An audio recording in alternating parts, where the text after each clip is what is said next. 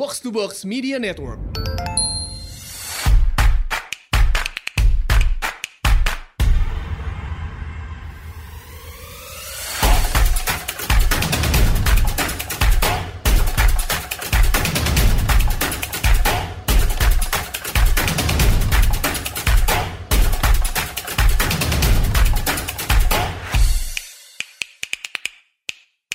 Datang di Asumsi Bersuara. Kali ini kita akan bahas tentang KTT Perubahan Iklim ke-26 yang lagi dilaksanakan ya sejak minggu lalu dan masih berlangsung sekarang.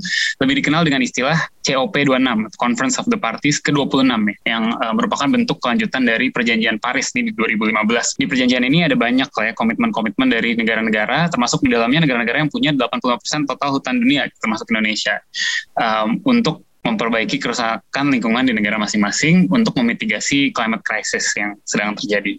Nah, untuk membahas tentang uh, COP26 ini dan juga mungkin tentang segala hal lain ya tentang upaya-upaya melawan krisis iklim ini, kita akan ngobrol-ngobrol dengan Mas Agus Sari langsung dari Glasgow ya Mas. Selamat datang Mas Agus. Ya. Selamat pagi dari Glasgow. Selamat pagi dari Glasgow. Uh, thank you banget Mas Agus uh, mau pagi-pagi uh, di interview kita ini jam 6 pagi di sana. Mas Agus ini adalah CEO dari Landscape Indonesia. Ini lembaga yang menjembatani manajemen landscape, memanfaatkan sumber ke keuangan yang ada. Selain itu, Mas Agus juga uh, ngajar di SBM ITB ya, School of Business uh, Management di ITB. Sekali lagi thank you banget Mas Agus uh, mau ngobrol-ngobrol sama kita nih soal uh, iklim hari ini. Ya, ya, sama-sama. Mas, mungkin pertama-tama pertama uh, boleh diceritakan mungkin keadaan di di COP26 sana ya di di Glasgow sekarang gitu apa aja sih uh, poin-poin penting gitu yang udah dibicarakan atau sedang dibicarakan atau mungkin uh, diagendakan gitu akan akan dibicarakan dan dan pengen dengar juga sih pandangan Mas Agus gitu seberapa penting lah ini seberapa signifikan sih hal hal-hal yang dicanangkan di COP26 ini sekarang. Iya um, uh, betul tadi barusan uh, Mas Regan juga sebut bahwa ini adalah uh, kelanjutan dari uh, eh, COP yang di Paris ya. Um, uh, jadi yang dilakukan adalah memfinalisasi apa yang kita sebut sebagai rule book dari uh, uh, persetujuan Paris itu. Jadi rule booknya persetujuan Paris itu adalah kayak misalnya kita punya undang-undang yang baru keluar gitu ya, harus ada peraturan peraturan pemerintahnya, harus ada permennya dan sebagainya itu yang di, di, dibahas sekarang nih gitu ya. Jadi COP yang sekarang ini seharusnya itu tahun lalu. Um, tapi karena pandemi maka tahun lalu tidak ada COP dan kemudian semuanya harus dilakukan hari ini. Um, sebelum tahun lalu dua tahun yang lalu ada COP uh, 25 di Katowice di uh, Polandia yang uh, memulai pembahasan mengenai itu dan tadinya sih di expect bahwa semua rule book itu sudah di uh, sudah di approve pada saat itu hmm. tapi ternyata uh, uh, uh, semua hal sudah di approve kecuali satu. yaitu uh, rulebook mengenai uh, carbon trading dan carbon market. Dan itu memang yang paling susah ininya apa negosiasinya sehingga memang akhirnya harus dipindah semuanya ke uh, COP yang sekarang. Dan boleh dibilang sebagian besar diskusi kita uh, uh, di COP yang sekarang ini adalah mengenai carbon market, bagaimana dia uh, dilakukan dan sebagainya ya.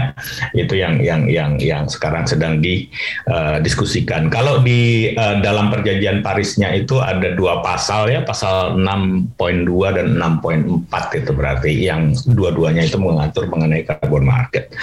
Yang kedua adalah me membahas mengenai um, apa ya apa yang kita sebut sebagai long term strategy. Jadi um, di ke depan ini kan kita ada yang disebut dengan nationally determined contribution ya.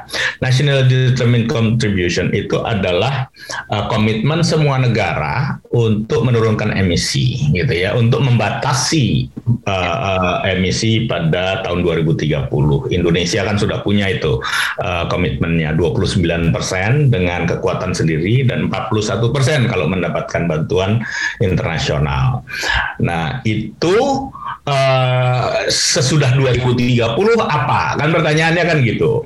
Jadi uh, penurunan emisi itu kan harus makin lama makin ambisius dan sebagainya. Dan itu yang kemudian didiskusikan. Maka keluarlah uh, uh, beberapa beberapa komitmen dari banyak negara untuk menjelaskan misalnya di pertengahan abad itu harus net zero emisinya. Uh, dan ya di, dan pertengahan abad itu uh, uh, diterjemahkan berbeda-beda uh, oleh ber, uh, beberapa negara. Misalnya kalau apa negara-negara maju itu biasanya 2050 atau sebelumnya gitu ya kan. Ada yang 2030, 2040, 2050. Uh, Cina dan Indonesia itu mirip. Mereka bilangnya uh, kita akan mencapai net zero pada 2060 atau sebelumnya. Hmm. Nah, kalau di kalau Indonesia sendiri 2060 atau sebelumnya itu maksudnya kalau kita pakai uh, kekuatan sendiri 2060 lah itu gitu hmm. kan. Kalau kita dibantu bisa lebih cepat dari 2060 gitu. Hmm. Nah, kalau Brazil 2070 banyak juga negara-negara yeah. 2070. Nah, um, Indonesia itu uh, juga punya satu long term uh, strategy yang cukup ini ya, yang cukup uh, uh, ambisius ambisius yaitu di sektor kehutanan kita. Ya. Sektor kehutanan kita itu cukup ambisius karena kita berjanji untuk menjadi net sink ya. Artinya net net bukan cuma net zero tuh ya. Jadi kalau net zero kan nol. Kalau net ya. sink itu negatif dia emisinya. Jadi dia diharapkan lebih banyak menyerap karbon daripada mengeluarkan karbon. Itu pada tahun 2030 gitu. Jadi um, itu yang kita perkenalkan di sini. Uh, jadi um, pada tahun itu uh, diharapkan um, sektor kehutanan kita tidak lagi menjadi sumber emisi. Hmm Hmm. Itu. Jadi itu yang uh, yang sekarang di, di dibahas sekarang nih. Ya. Nah. Mas kalau saya uh, penasaran dari yang Mas Agus sebutkan terutama dalam konteks Indonesia tadi 2030 mau mau net uh, net sink tadi um, dan segala langkah-langkah penghentian emisi yang kita komitmenkan gitu seberapa realistis Mas, Mas Agus melihat ini dengan uh, trajektori sekarang gitu ya? Ya kalau tuh kalau untuk untuk sektor kehutanan ya, kalau sektor kehutanan saya kira saya cukup realistis dan um, saya kira Indonesia bisa men, me, mencapainya. Bahkan yang saya khawatirkan bukan khawatirkan dalam arti positif gitu ya, itu kita bisa mencapainya lebih cepat dari 2030 malah sebetulnya. Hmm karena kalau kita lihat uh, ininya ya apa uh, uh, trennya selama let's say 6 tahun terakhir aja dari tahun 2015 ya itu penurunan emisi kita luar biasa loh gitu. Hmm. Dan kita uh, penurunan deforestasi kita itu luar biasa. Um, ke lebih dari 80 hampir 90 persen penurunan emisi kita uh, dan penurunan deforestasi kita dari jauh di atas satu juta hektar per tahun pada tahun 2015-an, 2016-an itu sekarang sedikit lebih dari 100 ribu. Hmm, hmm, hmm. 100 ribu hektar itu masih gede, itu uh, hampir dua kali lipatnya Jakarta, itu ya. Tapi dari sekian juta, jadi lebih dari satu juta ya. Bahkan sebelum-sebelumnya sempat kita sampai dua juta, uh, um, gitu ya. Jadi memang track record kita cukup bagus sih kalau dilihat dari situ, gitu kan. Um, ada beberapa yang uh, kekurangan sudah pastilah gitu ya. Tapi uh, secara umum saya kira sih uh, uh, track recordnya bagus dan ini disumbangkan oleh beberapa kebijakan sebetulnya yang hmm. cukup hmm. bagus. Kebijakan pertama adalah moratorium ya, yeah. moratorium yang uh, apa moratorium uh, pengalihan fungsi hutan primer ya. Itu kan sebetulnya udah dimulai lama udah dimulai sekitar 10 tahun yang lalu tapi diperpanjang terus gitu ya uh, setiap dua tahun. Dan pada saya lupa tahun berapa 2016 atau 2018 gitu akhirnya kita memutuskan untuk menghentikannya secara permanen. Oh jadi, jadi sekarang udah udah nggak ada lagi alih fungsi hutan? 60 65 juta uh, hutan primer kita itu sekarang secara permanen dilindungi. Udah nggak hmm. boleh lagi diubah menjadi uh, apa ini menjadi uh, apa um, untuk keperluan lain ya selain hmm. selain selain dia menjadi hutan primer. Yeah, yeah. Jadi itu itu itu cukup uh, signifikan saya kira. Dan kemudian beberapa tahun belakangan sampai sampai mungkin satu bulan yang lalu kan uh, juga perluasan kebun sawit di ini ya di di, di uh, apa dibatasi. Yeah, Jadi yeah. Uh, dan itu itu juga me, lumayan me, ini apa namanya me, uh, membantu kita untuk menurunkan terus angka deforestasi dan juga beberapa beberapa rehabilitasi yang dilakukan, um, baik rehabilitasi lahan uh, kritis maupun rehabilitasi um, ini ya apa uh, gambut, terutama ya. gambut gitu. Um, itu lumayan. Um, jadi ada beberapa uh, uh, uh, lebih dari juta hektar, hampir uh, lebih dari dua juta hektar malah gitu ya. Uh, kita sudah me, uh, melakukan rebusa, apa, rehabilitasi. Ya. Dan karena gambut kita rehabilitasi, maka penurunannya signifikan turun karena gambut itu kalau rusak itu emisinya beberapa puluh kali lipat daripada uh, hutan biasa. Ya. Dan kedua um, juga resiko kebakarannya itu jauh lebih tinggi daripada kalau hutan biasa. Ya. Dan itu juga yang menyebabkan kenapa apa em, uh, kebakaran kita kan juga nggak terlalu nggak terlalu kelihatan. Ya beberapa ya. tahun yang uh, ya uh, belakangan ini uh, tentu saja juga dibantu dengan iklim yang uh, uh, lebih basah dari biasanya karena karena lanina gitu ya. Tapi juga saya kira kebijakan-kebijakan bagus ini menyumbang gitu. Sekali lagi masih banyak yang mesti kita lakukan supaya kita sampai pada tujuan kita 2030 itu net sink ya. Um, tapi kan uh, kelihatan trennya tuh sudah hmm. sudah sudah sudah sudah luar biasa itu. Kita ya, belum ya. pernah belum pernah punya punya ini punya uh, apa angka deforestasi yang yang serendah ini lah gitu ya dalam beberapa dekade ke belakang. Iya, iya. Uh, tadi di awal Mas Agus ada sempat sebut soal salah satu poin utama dari COP ini bahas tentang carbon trading ya. Itu uh, mungkin boleh dielaborate dikit kalau um, at this point apakah kita udah mulai terlibat juga um, dalam skema-skema carbon trading itu? Kalau yang saya baca kan lebih banyak kita baru mulai implement misalnya carbon tax justru kan yang di, yeah. di RUHPP gitu kan. Kalau carbon trading kita udah ada skema-skema yang kita, kita terlibat atau akan terlibat um, sebagai output dari COP26 ini mungkin? Uh, kalau carbon trading sih sebetulnya dari zamannya protokol Kyoto dulu ya, hmm. uh, tahun 2000-an sampai 2012-an itu kita sudah hmm. sangat aktif. Kita gitu ya. Aktif, ya. Uh, sudah sangat-sangat aktif. Uh, nah sesudah 2012 kan memang ada gap tuh ya karena hmm. uh, protokol apa uh, protokol Kyoto selesai, tapi perjanjian Paris kan belum mulai itu, hmm. gitu ya. Tahun 2015 baru disepakati disepakati. Jadi memang ada gap di situ dan kemudian uh, tata cara uh, tradingnya kan juga berubah gitu. Hmm. Jadi memang belum ada sampai sekarang di seluruh dunia pun yang yang sudah melakukannya di bawah perjanjian uh, Paris dan itunya juga apa namanya itu tadi rulebooknya kan juga belum belum. Jadi baru sekarang ini memang mau, baru mau di finalize gitu ya. Mulai. Ha, ha, betul. betul. Nah ya. kalau ditanya apakah Indonesia uh, siap ya? Uh, pertama uh, uh, kita punya pengalaman panjang di Protokol Kyoto. Kita juga punya pengalaman panjang di uh, kita nyebutnya voluntary voluntary market. Voluntary hmm. market ini bukan market yang dihasilkan oleh kebijakan-kebijakan atau keputusan-keputusan pemerintah baik domestik maupun internasional, ya. tapi market yang dibentuk oleh swasta berdasarkan sukarela aja gitu. Jadi ya. misalnya ada satu perusahaan besar bilang saya ingin membeli karbon kredit gitu ya, ya untuk kebutuhan perusahaannya. Nah kemudian ada satu dua proyek gitu di Indonesia yang dikembangkan untuk mem, me, menghasilkan karbon kredit yang kemudian dibeli oleh perusahaan itu gitu ya. Hmm. Itu sudah juga lama dan sudah panjang. Indonesia sudah punya beberapa proyek seperti itu gitu ya, sehingga pengalamannya juga ada.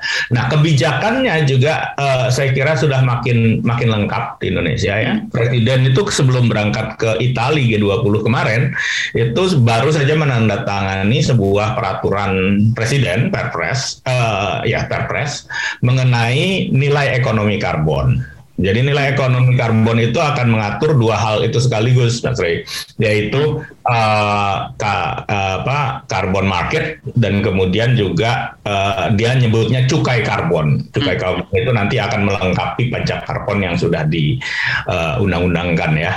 Ya, ya. Jadi um, aturan-aturannya makin lama makin lengkap dan rasanya sih sebetulnya kalau mau dimulai bisa sudah. Mas uh, COP26 ini kan tadi juga udah kita sebut dia kan kelanjutan dari uh, perjanjian Paris 2015 sebelumnya gitu kan. Dulu kita juga berpartisipasi udah jadi UU juga kan udah diratifikasi ya um, hmm, UU di tahun 2016 gitu tentang pengesahan hmm. Paris Agreement ini.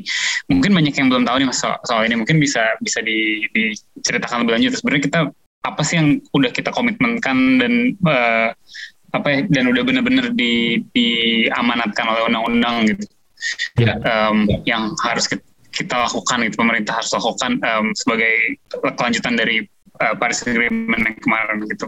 Jadi gini, namanya perjanjian internasional itu tidak akan pernah bisa mengikat gitu ya. Hmm. Eh, karena apa? Ya. Karena begitu kita berjanji dengan negara lain, terus kemudian salah satu misalnya nggak memenuhi uh, kewajiban perjanjian itu, polisinya siapa gitu kan ya. uh, uh, ya. nggak nggak ada satu negara pun yang mau dipolisikan oleh negara lain kan jadi ya. itu yang uh, uh, itu sebabnya kita menyebut uh, hukum internasional itu sebagai soft law gitu ya uh, hukum hukum hukum apa lembut gitu ya uh, nah hard law-nya itu harus dibuat dulu nah hard law-nya itu dibuat dengan cara komitmen internasional itu harus didomestikkan melalui aturan-aturan domestiknya. Nah, salah satunya harus diratifikasi dulu. Ratifikasi itu berarti si uh, perjanjian itu harus dibawa kalau di Indonesia ya harus dibawa ke parlemen ya. dan kemudian parlemennya harus setuju lewat undang-undang. Nah, begitu parlemennya setuju, maka semua aturan-aturan untuk mencapai dan memenuhi perjanjian itu uh, adalah sebuah hukum yang mengikat bahkan oleh uh, hukum uh, domestik Indonesia kan gitu. Nah, apa yang di uh, uh, harus dipenuhi lewat um, lewat undang-undang itu ya apa yang harus dipenuhi di perjanjian Paris karena plak itu itu adalah sebetulnya adalah perjanjian Paris. Nah, di, itu juga sebetulnya diterjemahkan paling utama adalah melalui apa yang kita sebut dengan nationally determined contribution tadi hmm, gitu. Yang tadi ya. Penurunan 29 persen di apa uh, uh, Eh, di semua bidang ini ya secara keseluruhan dengan kekuatan sendiri atau 41 persen kalau ada bantuan. Nah ini ada lima sektor eh, yang diatur di situ yang uh, emisinya. Tapi sektor yang paling besar itu sektor energi dan sektor kehutanan ya. Hmm. Uh, dan dari dua sektor itu kehutanan yang, yang paling ambisius menurut saya. Karena hmm. 2941 itu kalau diterjemahkan di sektor uh, kehutanan itu jadinya uh, 70 dan 90 persen. Jadi hmm. uh, jadi sektor kehutanan harus mengurangi emisinya 70 persen uh, dengan kekuatan sendiri. Itu berarti duitnya pakai duit APBN dan sebagainya ya. Uh, 90 persen jadi tambah 20 20% lagi kalau dia mendapatkan bantuan internasional kan gitu ya. Mm-hmm. Itu yang yang yang yang yang memang yang paling ambisius. Nah, yang kedua adalah sektor energi. Sektor energi itu uh, saya lupa angka persisnya tapi dia juga lumayan besar, lumayan ambisius. Uh, jumlahnya juga banyak. Nah, uh, kalau di sektor energi kan caranya nggak nggak bisa banyak cara lain kecuali mengurangi uh, apa namanya uh, sumber-sumber energi yang uh, pakai fossil fuel ya, pakai bahan bakar fosil. Jadi harus meningkatkan lagi semua uh, uh, semua sumber-sumber uh, terbarukan kita gitulah kira-kira. Ya, Itu ya, yang ya. yang uh, secara ini ya, secara praktis gitu ya harus harus dilakukan oleh Indonesia uh, seperti diatur di undang-undangnya, seperti diatur di aturan-aturan uh, lainnya. Ya, ya. Mas, um, kan Indonesia ini di COP26 ini lumayan berperan penting ya Pak Jokowi kemarin sempat pidato juga gitu di sana dia memaparkan kita yang tadi mungkin Mas Agus sudah sempat sebut gitu menurunkan laju deforestasi terendah dalam 20 tahun terakhir kebakaran hutan turun jauh kita rehabilitasi lahan gitu kan lahan kritis hmm. 3 juta hektar kata segala macam gitu nah hmm. kemarin tuh ada ada kritik datang dari Greenpeace ya Mas Agus kalau hmm. kalau hmm. lihat ya jadi katanya ya. misalnya eksploitasi lahan gambut tuh justru meningkat gitu kan menyebabkan kerusakan hmm. lingkungan menurut mereka gitu hmm. um, lalu kayak um, hampir sepertiga dari Kesatuan Hidrologi Gambut di tujuh provinsi prioritas itu berada di level kritis sekarang gitu karena digunakan hmm. untuk jadi hmm. hutan tanaman industri dan perkebunan hmm. sawit hmm. besar gitu. Hmm. Uh, Mas Agus ngeliatnya gimana sih sekarang? Jadi um, tadi ada good newsnya, apakah ya mungkin bisa diciptakan juga kali ya PR-nya ya, ya, ya. ini. Ya, ya, ya itu yang saya bilang bahwa PR-nya sih bukannya bukannya sedikit gitu ya. masih banyak gitu ya. Hmm. Tapi kan kita uh, sudah memperlihatkan track record yang sebetulnya nggak jelek gitu ya. ya. Jadi memang apa yang apa yang memang harus kita perbaiki uh, uh, ini termasuk juga sebetulnya kebun kebun-kebun sawit yang sekarang adanya di dalam hutan lindung loh gitu. Itu juga ada beberapa ribu hektar tuh. Oh, okay. uh, ini kan uh, apa um, uh, report reportnya Greenpeace juga memperlihatkan itu gitu. Dan itu gampang kok dicek gitu, di, tinggal dilihat di satelit gitu ya. ya. Uh, wilayahnya hutan lindung gitu, tapi kok di situ ada titik-titik yang ya. teratur gitu ya. itu di satelit juga kelihatan gitu. Dan ya. satelit itu kan murah, hampir gratis gitu ya. ya. Jadi semua orang bisa dapat itu sebetulnya gitu. Jadi nggak nggak nggak susah untuk bohong juga sebetulnya siapa pun gitu ya. Kalau kita bilang itu ada ya cek aja gitu kan, tinggal ya. itu. Jadi memang banyak, PR-nya tuh banyak kok gitu ya. Tapi kita, saya kira sih uh, uh, uh, kalau pertanyaannya apakah kita sudah sempurna ya belum gitu hmm. kan. Hmm. Usah loh gitu, ngurusin kayak gitu. Tapi apakah kita sudah mengarah ke ke ke apa hal-hal uh, yang lebih baik dari sebelumnya?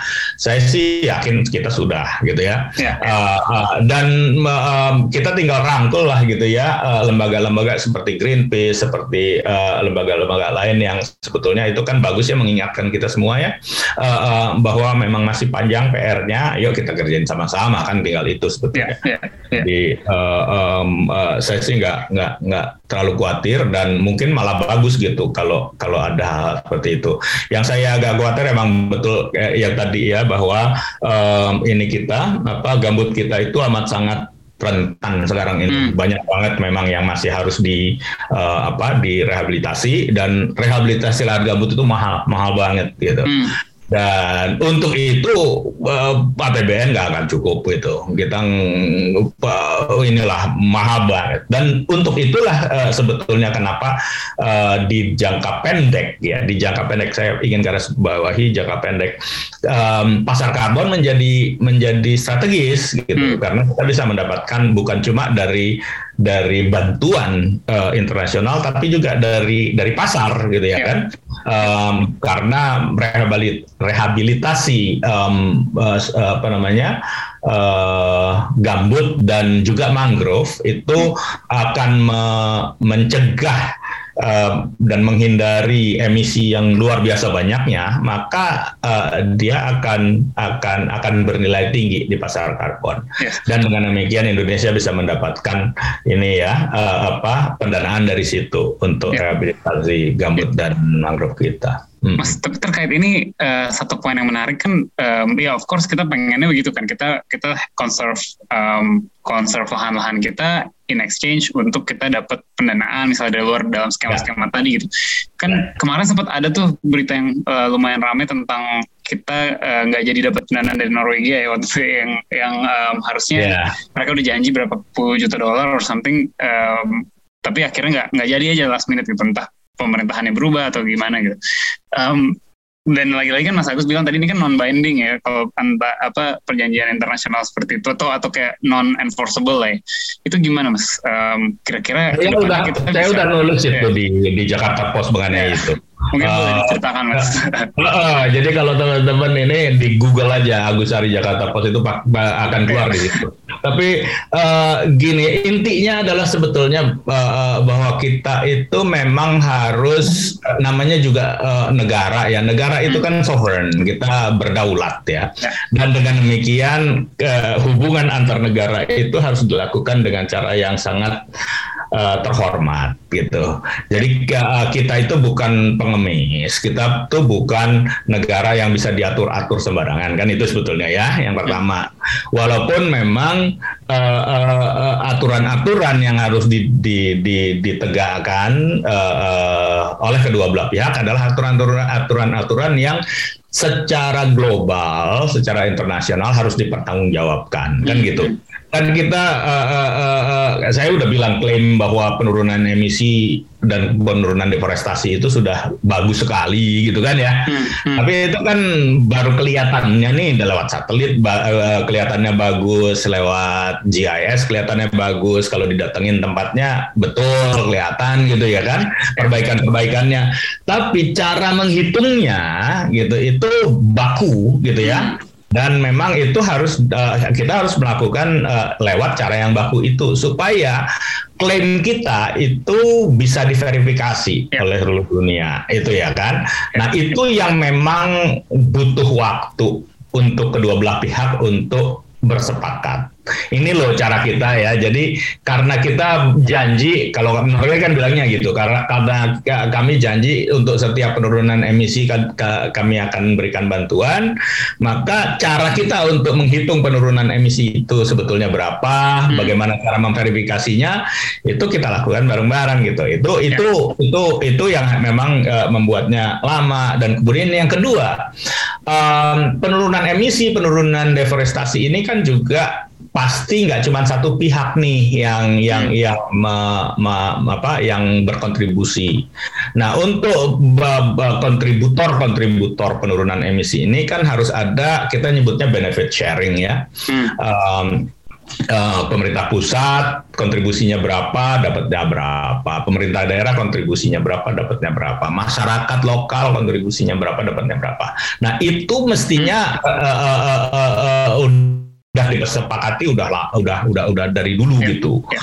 Tapi ternyata itu nggak selesai-selesai itunya dan uh, uh, dan masing-masing punya ide sendiri-sendiri gitu loh gimana cara mem, apa namanya me, membaginya gitu uh, si Norwegianya punya punya hmm. ide ini harus duitnya harusnya dipakai buat ini ini ini ini Indonesia ya. bilang eh jangan diatur atur itu ya. duit saya gitu kan kayak gitu tuh muncul gitu sehingga um, uh, yang 56 juta dolar itu nggak turun-turun akhirnya karena hmm. nggak hmm. nggak selesai-selesai urusan-urusan kayak gitu um, dan akhirnya 56 dari dari satu miliar kan gitu. Ya akhirnya kalau kalau kalau kalau saya mengutip um, beberapa teman dari Kementerian Luar Negeri mereka nyebutnya kesabaran kan ada batasnya. Masa 12 tahun kagak selesai selesai kan gitu. Ya, ya kira-kira kayak gitu ya.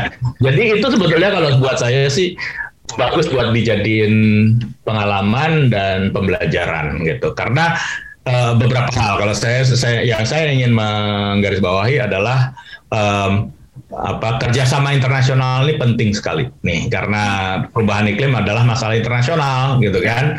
Deforestasi deforestasi kita itu bukan cuma masalah kita tapi masalah internasional juga. Itu sebabnya kita membuka diri kan untuk kerjasama dengan negara lain. Tapi kerjasama itu harus dilakukan dengan cara yang cara diplomatik yang terhormat. Lah gitu lah kira-kira. Hmm. ya ya ya. Mas, um, terkait um, apa iklim gini kan terkait isu ini kan yang salah satu yang penting juga kan sumber energi gitu kan. Kita kalau hmm. misalnya kita lihat sumber energi kita masih heavy banget di batu bara ya di coal um, mau mau ya masih sangat masih sangat bergantung pada pada batu bara gitu kan. Kalau Mas Agus ternyata kita udah ada udah ada um, arah ke apa ke pembangkit listrik yang yang lebih terbarukan nggak? Atau belum gitu? Sekarang masih belum kelihatan um, arahnya masih masih stuck di di situ arahnya udah kelihatan tapi langkah-langkahnya masih sedikit gitu hmm. yang saya bilang. Uh, artinya kita tuh udah sadar kayaknya gitu ya bahwa hmm. saudara harus selesai gitu. Bahkan uh, uh, apa udah ada itu um, apa uh, keputusan kalau nggak salah ya atau atau atau janji bahwa uh, sesudah tahun 2030 kita nggak nggak akan lagi membangun pembangkit listrik batubara baru gitu ya. Hmm. Walaupun itu berarti dari sekarang sampai 2030 jangan sampai ini dong apa jangan sampai apa namanya kejar tayang terus kemudian mumpung masih punya waktu membangun banyak sebanyak banyaknya nggak gitu sih sebetulnya. Uh, nah uh, 2040 itu kita benar-benar sudah mulai phase out, phase hmm. out ya. Kan Indonesia juga sudah sudah mengikut nanda tangan. Beberapa uh, ini juga perusahaan-perusahaan swasta besar yang punya aset pembangkit listrik batu bara juga juga mengakui kok bahwa seluruh dunia sudah berubah dan mereka juga harus berubah gitu ya. Kalau mereka tidak mau diubah oleh dunia, mereka harus berubah gitu. Kira-kira gitu ya. Jadi kesadaran itu udah ada, aturan-aturannya juga udah mulai. Cuma memang harusnya kita uh, uh, pertama kita harus mulainya sebetulnya uh, sejak lama karena urusan-urusan aset besar kayak gini ya infrastruktur besar ini kan uh, nggak gampang ya uh, uh, ngubah ngubah apa ngubah uh, arah ya. Jadi begitu kita mesti uh, belok tuh beloknya tuh mesti lambat banget gitu. Jadi um, itu yang kita kalau saya boleh bilang kita agak terlambat. Indonesia itu punya target loh uh, menaikkan meningkatkan pangsa uh, renewable kita pada tahun 2025 hmm. itu sampai 23 persen, 2050 sampai 31 persen. Hmm. Yang 2050 saya nggak terlalu khawatir kita mungkin bisa mencapainya bahkan lebih cepat. Tapi yang 2025 23 persen ini gimana cara uh, mencapainya gitu kan? Padahal kita sekarang renewable kita itu 12 persen juga belum ada kali gitu ya.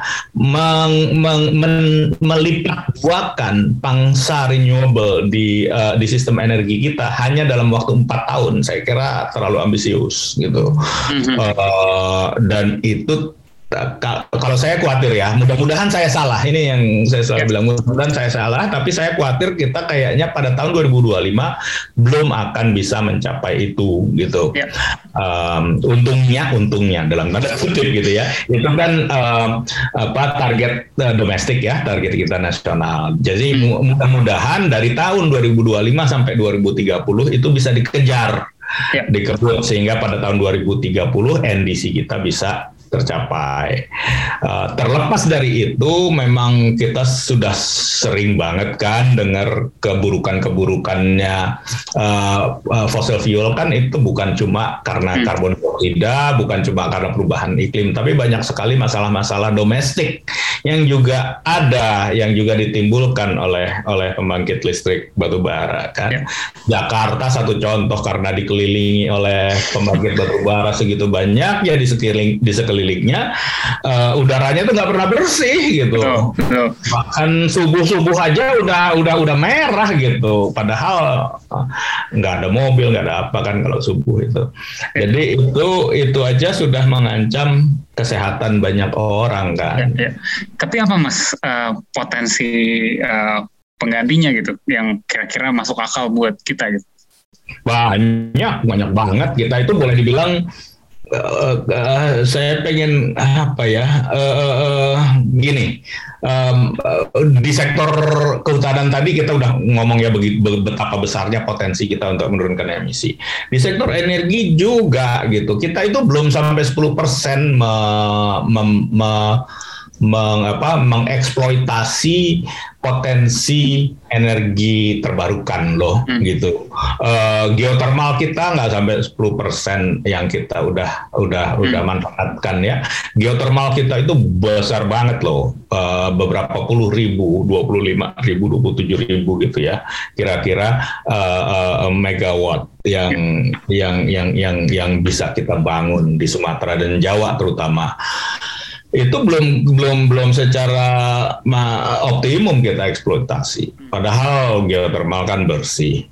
Um, kita ngomong soal hidropower ya di pulau-pulau uh, luar misal terutama gitu ya di Kalimantan misalnya di Sumatera misalnya itu juga belum ter, ter terbangun gitu ya belum belum belum dimanfaatkan dengan dengan dengan optimum.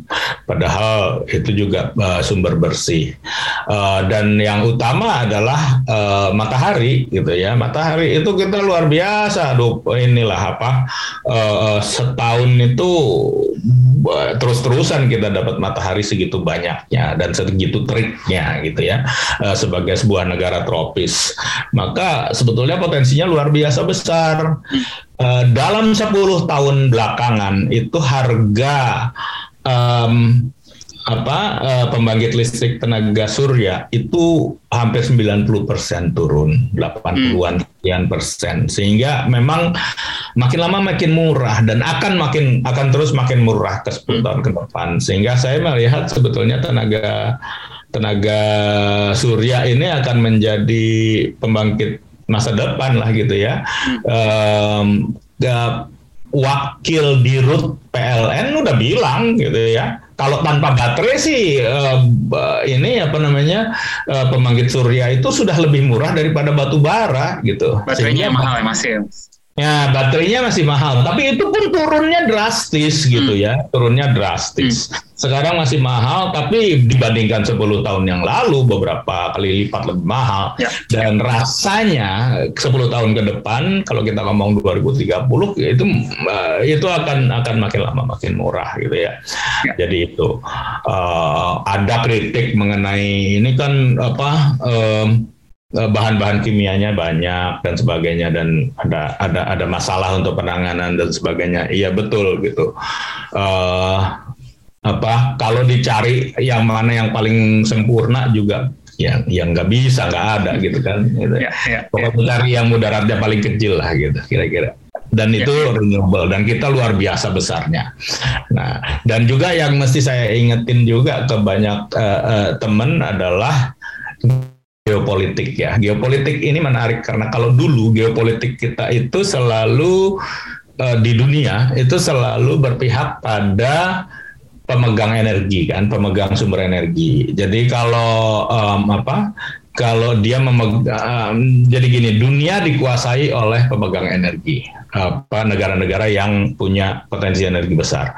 Um, uh, batu bara gitu ya. Terus kemudian minyak luar biasa kuatnya itu apa uh, uh, Timur Tengah karena mereka adalah sumber energi minyak terbesar dunia gitu kan. Um, nah di masa depan geopolitik akan berubah dia akan memperlihatkan bahwa siapa yang memiliki yang yang memegang uh, apa namanya potensi uh, dan kapasitas renewable paling besar itu yang akan menguasai dunia gitu ya. Jadi Timur Tengahnya akan pindah ke yang memegang renewable dan itu sebabnya kenapa Timur Tengah pun sekarang berubah gitu ya. Um, uh, apa pembangkit uh, listrik renewable yang besar-besar satu gigawatt ke atas itu justru adanya di sana gitu ya. Di di Qatar di ya di di UAE gitu kan. Itu yang yang yang yang yang yang besar-besar itu adanya di sana justru. Karena mereka sadar bahwa sebentar lagi uh, geopolitik akan berubah dan mereka nggak mau melepaskan kekuatan geopolitik mereka. Nah Indonesia itu super power urusan kayak gitu, gitu. Jadi kalau kita bisa betul-betul memanfaatkan dan meng, apa, me, me, mengembangkan sumber uh, sumber-sumber daya energi terbarukan kita, kita akan dalam tanda kutip menguasai dunia, gitu kan? Ya, ya, ya. ya. Mas kemarin tuh yang sempat rame itu tweetnya Bu Menteri uh, eh, KLHK ya Bu, Bu Siti Nurbaya Bakar uh, tentang uh, deforestasi ini sempat viral gitu dia dia bahas katanya uh, pembangunan di di era sekarang di era Presiden Jokowi ini tidak boleh berhenti atas nama emisi karbon atau deforestasi ini kan langsung rame yeah. nih wah um, yeah, yeah, kesannya yeah. of course ke, melihat seorang pejabat negara yang uh, tugasnya adalah untuk um, apa kelangsungan hidup apa um, lingkungan hidup gitu mengetut soal pembangunan yeah. jangan berhenti karena emisi karbon ini kan memberi kesan tertentu gitu kan memberi yeah. wah ini pemerintah yeah. Indonesia tidak tidak mau menyetop uh, ekonomi demi uh, lingkungan gitu kan kan kesannya seperti itu ya optiknya. Mas hmm. Agus ada pandangan tentang uh, nggak cuma itu tapi mungkin rentetannya ya. Iya ya, so, uh, mungkin mungkin bagus saya nggak nggak langsung merespon tweet itu karena jangan-jangan uh, yang nulis adminnya kan gitu kan. ya udah jangan iya, iya. aja adminnya kan gitu ya. Tapi uh, gini, Pak apa pertentangan antara pembangunan lawan lingkungan itu futile gitu ya dan sebetulnya sudah resolve beberapa puluh tahun yang lalu gitu hmm. pada saat Pak Emil Salim masih jadi menteri lingkungan kita gitu kan ya. gitu kita udah udah udah udah sepakat dengan satu konsep yang namanya pembangunan berkelanjutan gitu ya hmm. bahwa uh, bahwa pertumbuhan ekonomi itu tidak akan bisa terjadi tanpa adanya uh, apa um, uh, lingkungan yang terjaga gitu. Hmm. Jadi lingkungan yang rusak itu akan akan merusak potensi kita untuk tumbuh secara ekonomi. Ya. Itu dan itu kita udah lihat kok gitu ya kebakaran hutan tahun 2015 itu itu uh, 10 persen apa uh, uh, budget pemerintah loh itunya apa uh, uh, ongkosnya. Lebih dari 200 triliun itu kan uh, 16 juta dolar itu apa kerugiannya. Dan saya yakin itu belum dihitung secara teliti dan secara lengkap itu. Uh, banjir di Kalimantan Selatan awal tahun ya kan? 200 ribu hektar. Banjir kok ratus ribu hektar ya. Gimana tuh? Membayangkan gitu kan? Seberapa besarnya? Itu ya, ya di semua tempat di satu provinsi itu hmm. banjir gitu kan. Uh, itu kan sebuah berdampak pada kemampuan Indonesia untuk bertumbuh secara ekonomi kan. Dan itu semua sudah memperlihatkan gitu kesehatan orang-orang yang selalu menghisap asap uh, kebakaran hutan, kebakaran uh, apa uh, apa kesehatan yang selalu uh, terganggu karena polusi udara di kota-kota besar? Itu semua berdampak pada kemampuan kita untuk tumbuh. Sehingga itu sebetulnya su sudah resolve 30 tahun yang lalu malah gitu kan? Nggak nggak nggak lagi nggak lagi bukan isu lah udah gitu pokoknya gitu ya. Hmm. uh, dan presiden pada saat uh, pada saat pidato di sini itu begitu dia ngomongnya gitu. Kita nggak bisa tumbuh semaunya gitu kayak kira-kira kan gitu kita tunggu harus harus harus dengan ini dan kalau kita lihat lagi ke, ke, ke belakang tadi ya track record kita kan juga nggak jelek-jelek amat nih gitu ya, ya. Uh, tahun ke belakang ini nggak jelek-jelek amat. Jadi mungkin itu ya kalau kalau kita merespons tweet kayak pertama adalah lihat lihat dia sebagai kesatuan threadnya semua. Kalau ya. kalau kalau kita lihat tweet yang lainnya kan juga nggak nggak nggak segamblang itulah ya cara hmm. ngomongnya ya. Walaupun ada beberapa kalau yang saya kalau saya yang nulis nggak gitulah saya yang nulisnya gitu. Kira-kira kayak gitu ya. Tapi yang ya jangan terus kemudian dihakimi hanya lewat itu gitu. Saya kira uh, ada beberapa hal yang memang harus kita ini.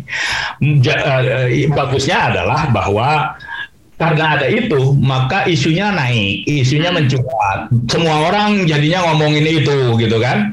Itu tujuannya ya, Mas?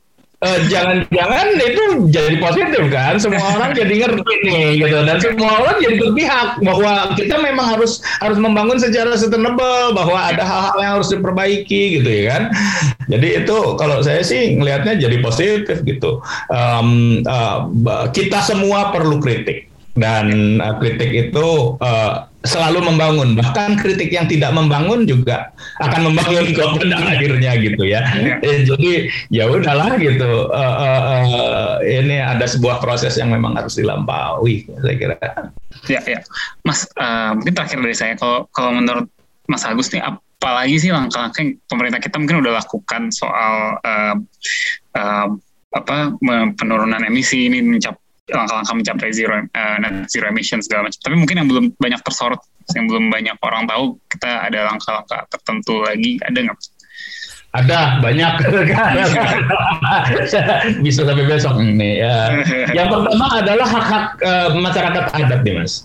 Karena itu tahun 2012 kita kita itu sudah mengeluarkan satu uh, satu aturan yang cukup uh, radikal ya, um, uh, dikeluarkan oleh ini kan MK ya, um, konstitusi bahwa uh, wilayah adat itu punyanya masyarakat adat bukannya punyanya pemerintah gitu. Sehingga dia harus dikeluarkan dari dari dari uh, wilayah hutan yang di uh, dikontrol oleh pemerintah itu kan? Uh, dan uh, di Indonesia itu masyarakat adat cukup uh, terorganisir dengan baik ya. Uh, ada aliansi masyarakat adat Nusantara kan. Dan itu mereka punya uh, punya petanya sendiri gitu kan. Ini loh wilayah adat tuh di sini sini aja gitu dan sebagainya. Ya nggak nggak semuanya clean and clear. Ada beberapa yang pasti konflik dengan dengan wilayah-wilayah yang sudah terlanjur. Misalnya ditentukan oleh pemerintah sebagai wilayah yang mungkin cukup strategis gitu ya dan dengan demikian kalau diklaim oleh masyarakat adat pasti berantem tuh gitu. Ya. Uh, tapi itu mesti di resolve uh, dan saya kira uh, apa uh, pemerintah mesti uh, melakukan banyak hal untuk mempercepat proses itu gitu ya. Uh, terutama adalah karena gini di seluruh dunia ternyata wilayah yang dikuasai dan dikendalikan oleh masyarakat adat. Itu uh, apa tingkat deforestasinya hmm. sangat rendah, ya. emisinya sangat rendah. Sehingga dan itu uh, sebabnya adalah karena memang masyarakat adat itu hidupnya dari situ sih ya. Sehingga uh, uh, mereka kan punya ketergantungan gitu. Makin baik makin makin sehat lingkungannya makin makin makin sejahtera juga mereka sebagai masyarakat adat gitulah kira-kira. Ya, ya. Jadi buat buat mereka menjaga hutan itu adalah sebuah keharusan gitu ya. uh, uh, untuk untuk untuk survive ya. Jadi itu saya kira uh, uh, uh, harus di, uh, diberesin um, dengan baik. Yang kedua memang dari dua dua dua sektor utama uh, emisi kita ya uh, sektor hutan dan sektor energi. Sektor energi itu masih harus banyak sekali di dikerjain lah gitu kira-kira gitu ya. Karena karena itu tadi karena kita uh, sistem kita itu udah sudah sangat sangat uh, ini sangat uh, didominasi oleh fosil terutama batu bara itu satu. Kedua, eh, batu bara itu sudah terlanjur mengambil tempat yang cukup besar di ekonomi kita.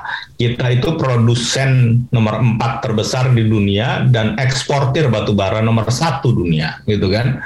Jadi eh, mengurangi itu berarti eh, kita harus mencari cara lain untuk menghasilkan devisa kan gitu ya. ya. dan itu nggak nggak nggak cepat tuh gitu. dan itu harus dilakukan dengan sengaja dengan sebuah plan yang bagus supaya ekonominya nggak kemudian uh, inilah ya uh, disrupted gitu. Ya. Nah yang ketiga adalah juga ada ada banyak um, permasalahan konflik of interest, kelindan antara politik dan bisnis gitu ya. Uh, uh, uh, ini kan juga apa uh, mereka yang memiliki um, apa namanya tambang-tambang batu bara besar-besar. Ini kan nggak mau serta merta menyerah gitu ya. Ya udah deh gua tutup aja uh, besok gitu. Enggak lah nggak begitu gitu ya. Mereka akan akan akan melakukan upaya untuk uh, untuk uh, ini untuk melobi uh, pemerintah untuk tidak melakukannya atau paling tidak tidak melakukannya secepat itu gitu ya kan dilambat-lambatin lah gitu.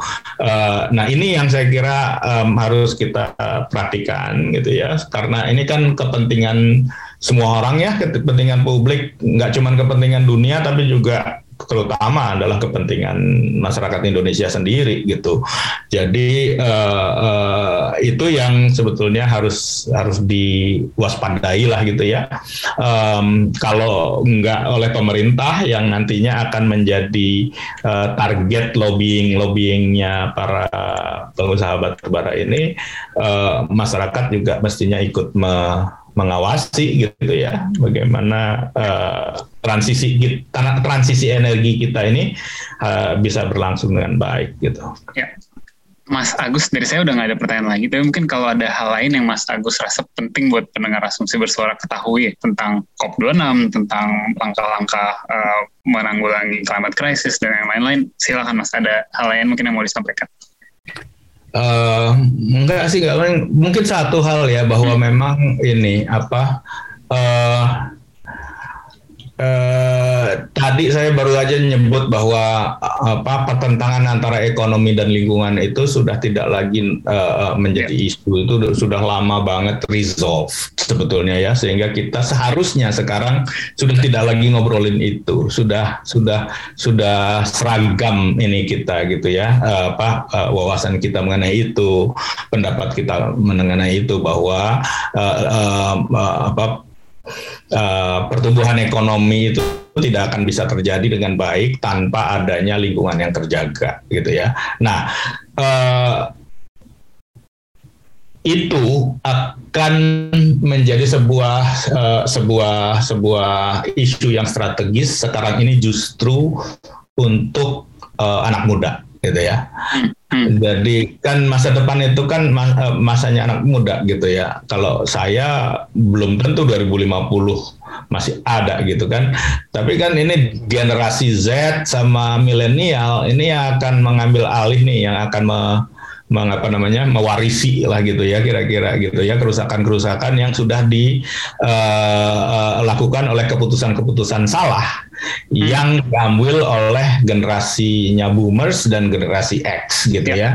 Dan uh, ini mestinya dan saya uh, pernah pernah lihat ini hasil hasil hasil surveinya Mas Burhan Muhtadi ini yang memperlihatkan hmm. bahwa generasi Z dan dan dan millennials itu uh, apa uh, uh, wawasan lingkungannya itu jauh lebih tinggi daripada generasi-generasi di atasnya dan hmm. kemudian mereka merasa bahwa itu justru adalah uh, isu yang sangat penting yang akan mereka lihat di politik gitu ya kan. Uh, jadi nanti tahun 2024, 2024, 2029 Uh, politisi itu jangan main-main gitu ya sama pemilih-pemilih baru dari generasi Z dan uh, millennials. Bahwa mereka itu akan melihat kalau kalau mereka tidak memiliki platform lingkungan yang bagus itu akan susah mereka mengambil hati mereka gitu ya mengambil hati pemilih dari dari anak muda ini. Dan saya ingin Eh, selain meminta maaf atas nama boomers dan generasi X gitu kan saya kan generasi X gitu.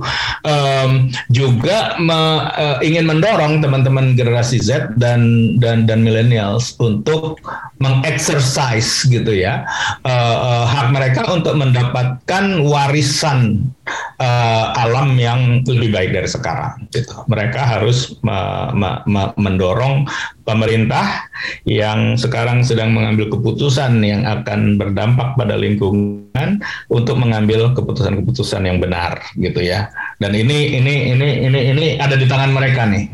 Sekian puluh berapa? 70 70 juta pada tahun uh, 2024 ya mereka ini beneran exercise hak itu dan exercise kekuatan itu karena kekuatan voting, kekuatan politik itu adanya di mereka sekarang dan mereka harus exercise itu.